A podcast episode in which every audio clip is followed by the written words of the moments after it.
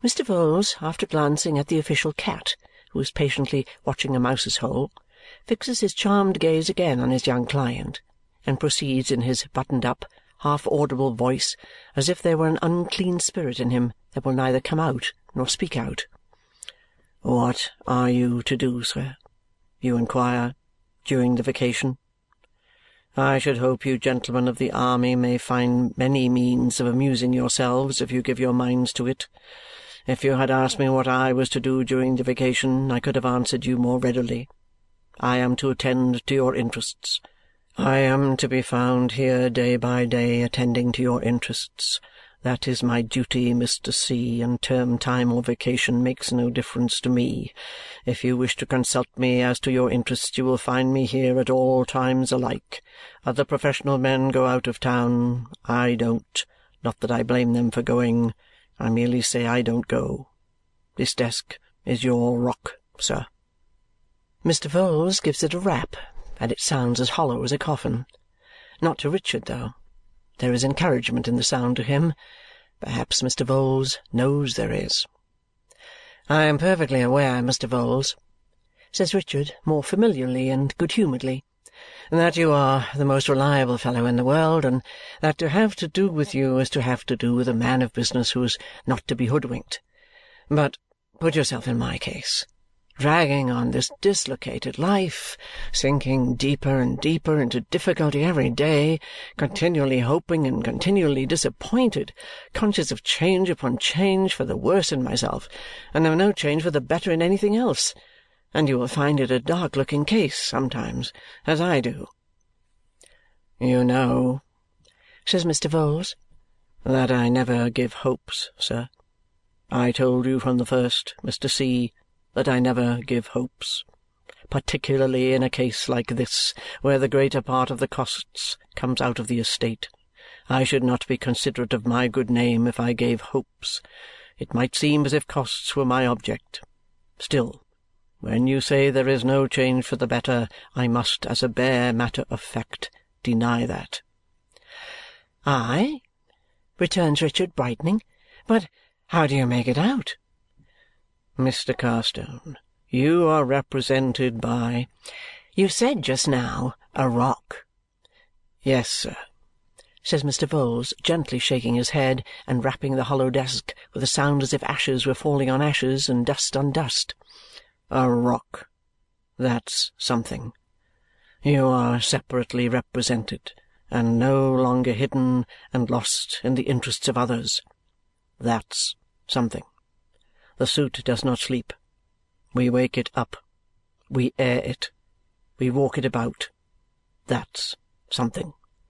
It's not all Jarndyce. In fact as well as in name, that's something. Nobody has it all his own way now, sir, and that's something, surely. Richard, his face flushing, suddenly strikes the desk with his clenched hand. Mr. Vholes, if any man had told me when I first went to John Jarndyce's house that he was anything but the disinterested friend he seemed, that he was what he has gradually turned out to be, I could have found no words strong enough to repel the slander. I could not have defended him too ardently. So little did I know of the world. Whereas now, I do declare to you that he becomes to me the embodiment of the suit. That in place of its being an abstraction, it is John Jarndyce that the more I suffer, the more indignant I am with him, that every new delay and every new disappointment is only a new injury from John Jarndyce's hand." "No, no," says Vholes. "Don't say so. We ought to have patience, all of us. Besides, I never disparage, sir. I never disparage." "Mr. Vholes," returns the angry client. You know as well as I that he would have strangled the suit if he could." "He was not active in it," Mr. Vholes admits with an appearance of reluctance. "He certainly was not active in it. But, however but, however, he might have had amiable intentions. Who can read the heart, Mr. C.?" "You can," returns Richard.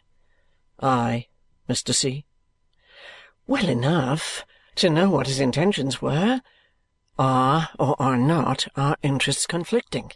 Tell me that, says Richard, accompanying his last three words with three raps on his rock of trust. Mr. C., returns Vholes, immovable in attitude and never winking his hungry eyes, I should be wanting in my duty as your professional adviser. I should be departing from my fidelity to your interests if I represented those interests as identical with the interests of Mr. Jarndyce. There are no such things, sir. I never impute motives. I both have and am a father, and I never impute motives. But I must not shrink from a professional duty, even if it sows dissensions in families. I understand you to be now consulting me professionally as to your interests. You are so. I reply, then, they are not identical with those of Mr. Jarndyce. Of course they are not, cries Richard. You found that out long ago. Mr. C., returns Vholes, I wish to say no more of any third party than is necessary. I wish to leave my good name unsullied, together with any little property of which I may become possessed through industry and perseverance, to my daughters Emma, Jane, and Caroline. I also desire to live in amity with my professional brethren.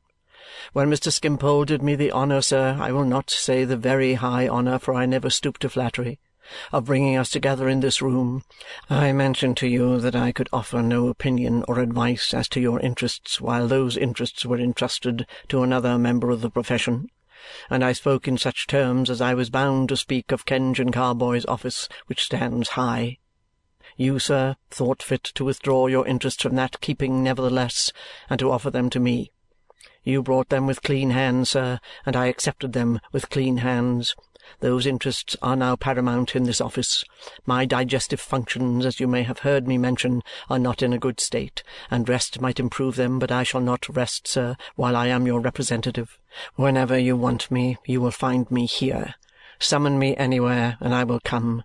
During the long vacation, sir, I shall devote my leisure to studying your interests more and more closely and to making arrangements for moving heaven and earth, including, of course, the Chancellor, after Michaelmas term, and when I ultimately congratulate you, sir, says Mr. Vholes with the severity of a determined man, when I ultimately congratulate you, sir, with all my heart on your accession to fortune, which, but that I never give hopes, I might say something further about, you will owe me nothing beyond whatever little balance may be then outstanding of the costs as between solicitor and client, not included in the taxed costs allowed out of the estate.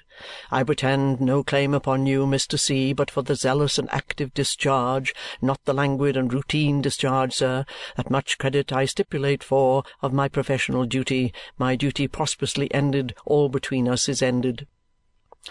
Vholes finally adds, by way of rider to this declaration of his principles, that as Mr. Carstone is about to rejoin his regiment, perhaps Mr. C. will favour him with an order on his agent for twenty pounds on account for there have been many little consultations and attendances of late, sir," observed Vholes, turning over the leaves of his diary, "and these things mount up, and I don't profess to be a man of capital. When we first entered on our present relations, I stated to you openly, it is a principle of mine that there never can be too much openness between solicitor and client, that I was not a man of capital, and that if capital was your object you had better leave your papers in Kenge's office. No, Mr. C., you will find none of the advantages or disadvantages of capital here, sir. This," Vholes gives the desk one hollow blow again, "is your rock. It pretends to be nothing more. The client, with his dejection insensibly relieved and his vague hopes rekindled, takes pen and ink and writes the draft, not without perplexed consideration and calculation of the date it may bear, implying scant effects in the agent's hands. All the while Vholes, buttoned up in body and mind, looks at him attentively. All the while Vholes's official cat watches the mouse's hole. Lastly, the client, shaking hands, beseeches Mr. Vholes for heaven's sake and earth's sake to do his utmost to pull him through the Court of Chancery.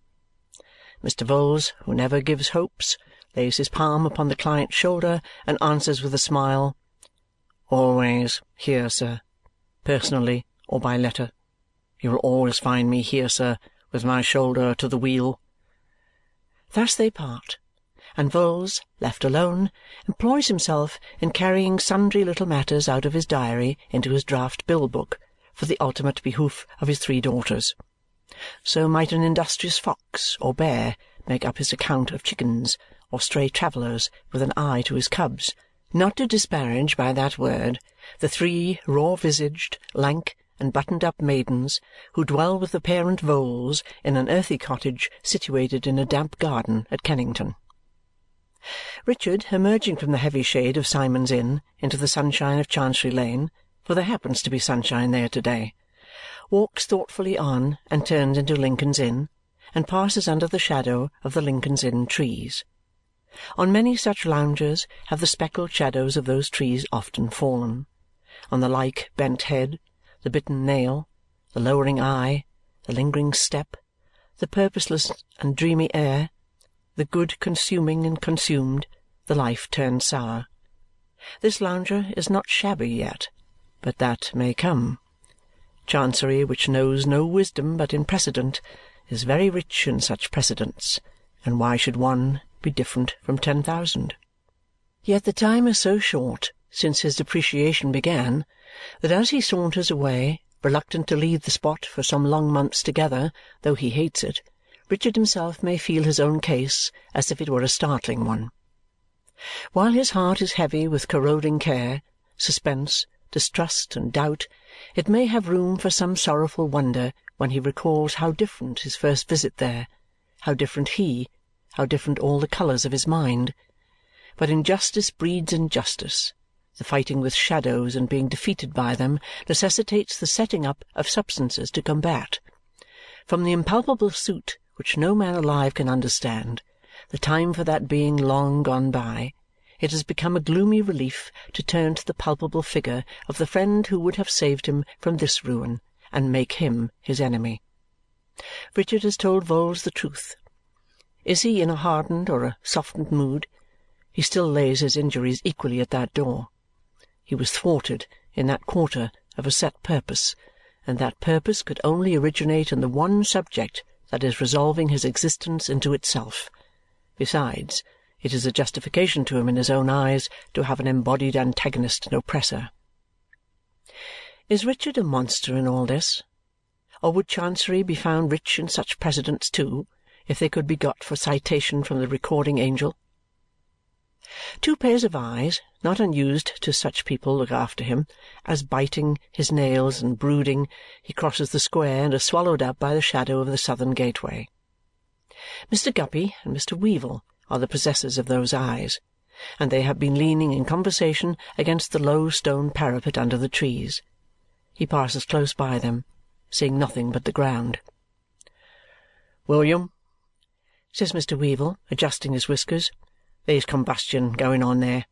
It's not a case of spontaneous, but it's smouldering combustion, it is." "Ah!" says Mr. Guppy. "He wouldn't keep out of Jarndyce, and I suppose he's over head and ears in debt. I never knew much of him. He was as high as the monument when he was on trial at our place. A good riddance to me, whether as clerk or client. Well, Tony, that, as I was mentioning, is what they're up to.